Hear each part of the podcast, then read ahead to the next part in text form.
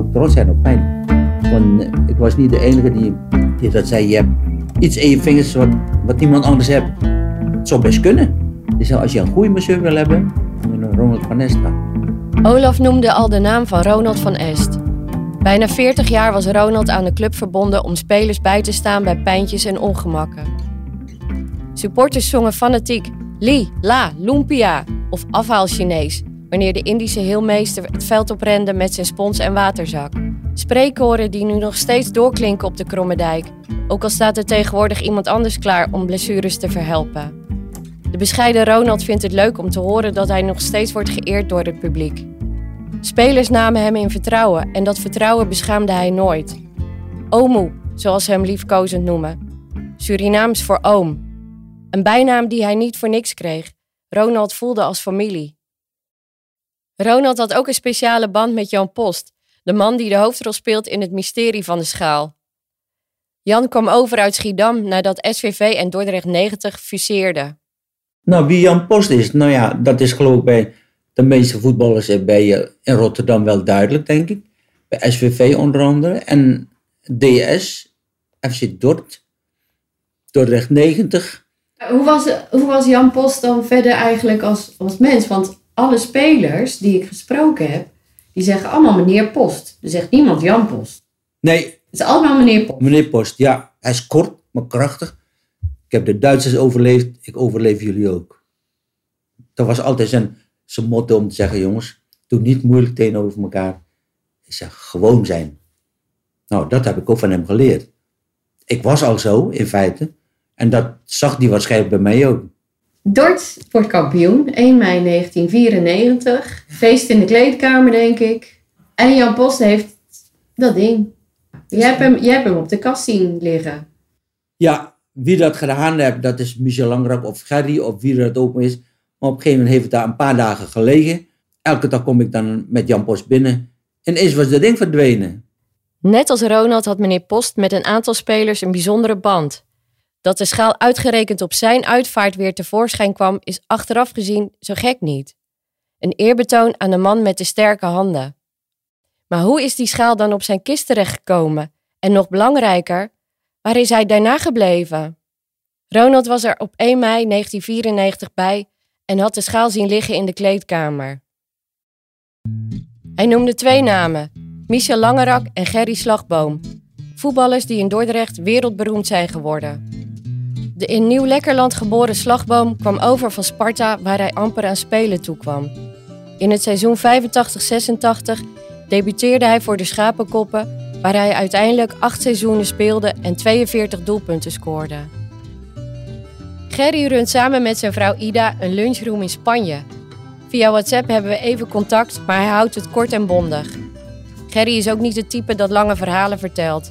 Hij kan me niet verder helpen en zo eindigt mijn spoor in Spanje. Dortenaar Michel Langerak heeft nog goede herinneringen aan Jan Post. Jan Post was een, een, een, een, een therapeut, een beetje van de, van de oude stempel. Heel sterk was met zijn, met zijn, met zijn handen. Die, als je daar ging liggen, dan ging je niet voor de lol liggen, maar dan was je echt, dus eigenlijk echt gepijnigd, weet je wel. Dan krijg je een klik met zo'n, met zo'n man. Ja, uh, ja, dat is dan ja, hoe zeggen, niet, niet, niet in woorden te beschrijven, maar, dat, maar, soms is, is, is gevoel en, en is elkaar aanvoelen. Uh, ja, wil ook heel veel wat zeggen. Omtrent wat je dan een klik met een persoon hebt. Een typische man, die Jan Post. Als fysiotherapeut en als persoon. Ik ging op zoek naar familieleden. Als de schaal op zijn kist lag, dan is hij naar de plechtigheid vast meegenomen. Dat is het lastige stukje in het verhaal. Jan Post was op 85-jarige leeftijd overleden in het jaar 2002. Via een overlijdensadvertentie kwam ik op de naam Janneke Swank. Ik probeerde haar te vinden, maar kwam er al gauw achter dat ze in 2017 was overleden. Na wat verder spitten op het wereldwijde web kreeg ik mailcontact met haar schoonzus. Janneke bleek een goede vriendin van Jan Post te zijn. Ze woonden vlak bij elkaar en deelden dezelfde interesses. De schoonzus was ook op de uitvaart, maar had geen herinnering aan de kampioenschaal op de kist. Om mijn teleurstelling te compenseren deed ze nog navraag in de familie. Een dag later kreeg ik antwoord. Niemand had een opvallende ronde trofee opgemerkt en dus ook niet meegenomen. Ze grapte dat de schaal misschien nog zou opduiken wanneer er weer een bekende Dortenaar zou overlijden. En om deze schaal ging het allemaal. De kampioenschaal 93-94. Middelpunt van de spelers is Romeo Woude en Michel Valken neemt de schaal in ontvangst, de aanvoerder. Van een ploeg die vanaf het begin bovenaan stond.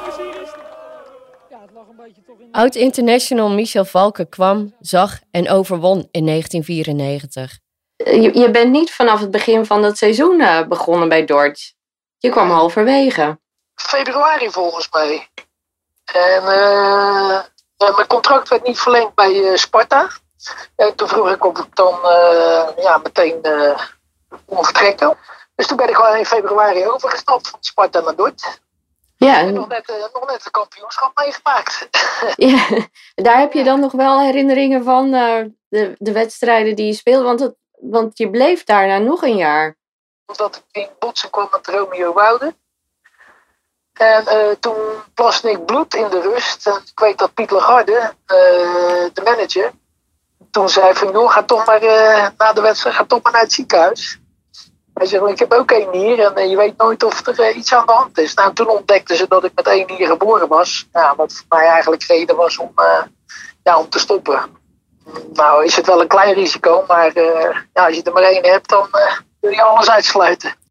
Zijn voetbalcarrière eindigde het volgende seizoen nadat hij in botsing kwam met een andere speler. Na controle in het ziekenhuis bleek hij geboren te zijn met één nier. Hij durfde het niet aan om het voetbal op hoog niveau voor te zetten. Hij ging aan de slag als hoofdjeugdopleidingen op de Kromme Dijk. Ook hij roemt de technieken van Jan Post met zijn therapeutische naalden en stroom. Hij was een van de vele aanwezigen op de uitvaart. Ik was wel bij die begrafenis. Ik weet dat uh, Frans Derks nog een speech hield. Uh, maar ik, herinner me niet dat de schaal toen op, op uh, zijn kist. Neem aan dat ze die dan toch wel eraf halen als die. Toch bijzonder dat hij de schaal niet heeft gezien tijdens de uitvaart. FC Dordrecht kent een roemrucht verleden als het gaat om markante voorzitters. De voorzitter van Dordrecht 90, Kees den Braven. Is dit het mooiste tot nu toe? Ja, dat is een hele leuke gebeurtenis, kampioen worden. Want uiteindelijk kampioen wordt niet ieder jaar. En ik denk, eh, gezien de laatste twee jaren, is het toch wel eigenlijk een hele zoet, uh, zoet eten vandaag om kampioen te worden. Ik vind het uh, heel erg leuk en ik gun het de groep ook van harte. Ik vind de jongens hebben er hard voor gewerkt. En dan denk ik ook aan met name Nico van Zochel, die ik alle lof toe moest zwaaien in deze. Want die hebben een grote steen bijgedragen tot dit kampioenschap. Uh, blijft hij volgend jaar? Daar is nog een beetje onduidelijkheid over? Nou, daar is geen onduidelijkheid over. Ik ben hier volgend jaar nog, het zal mijn laatste jaar zijn. Want ik heb eigenlijk voor mezelf besluit genomen nog één jaar. Tenminste, ik had een contract van vijf jaar. Ik blijf dus nog één jaar, dat is absoluut zeker. Maar na dat jaar zal ik uh, voor 99,9% stoppen. Het enige waar mijn gedachte nog zou kunnen veranderen, dat hier elke wedstrijd 4.000, 5.000 mensen zitten volgend jaar. Dat zou het enige zijn waarom mijn gedachten nog gewijzigd kunnen worden. Want ik vind, als je dan kampioen wordt en het begin vanaf, vanaf de eerste wedstrijd bovenaan staat en je ziet hoe droog de publieke belangstelling is hier in Dordrecht, dan denk ik, nou, dit heeft absoluut geen bestandsrecht. Kees den Brave, ome Kees voor supporters, was een voorzitter met het hart op de tong. Uh, maar wie is Kees den Brave eigenlijk? Kees Brave is een man, uh, 45 jaar oud, gehuwd, wonende te Gorkum, twee kinderen, één zoon van 26 jaar en een dochter van 21 die studeert in Californië. Verder uh, zakenman in Oosterhout. Ik heb een kit- en lijmenfabriek in Oosterhout. En daar verdienen we aan het brood. Ja. Wat is uw relatie met het voetbal? Wanneer is dat begonnen? Oh, dat is al van jongs af aan begonnen. Ik, toen ik amper lopen kon, ben ik zelf al met voetballen begonnen. Alleen niet op hoog niveau. Ik heb altijd heel graag uh, het voetbal uh, aangezien.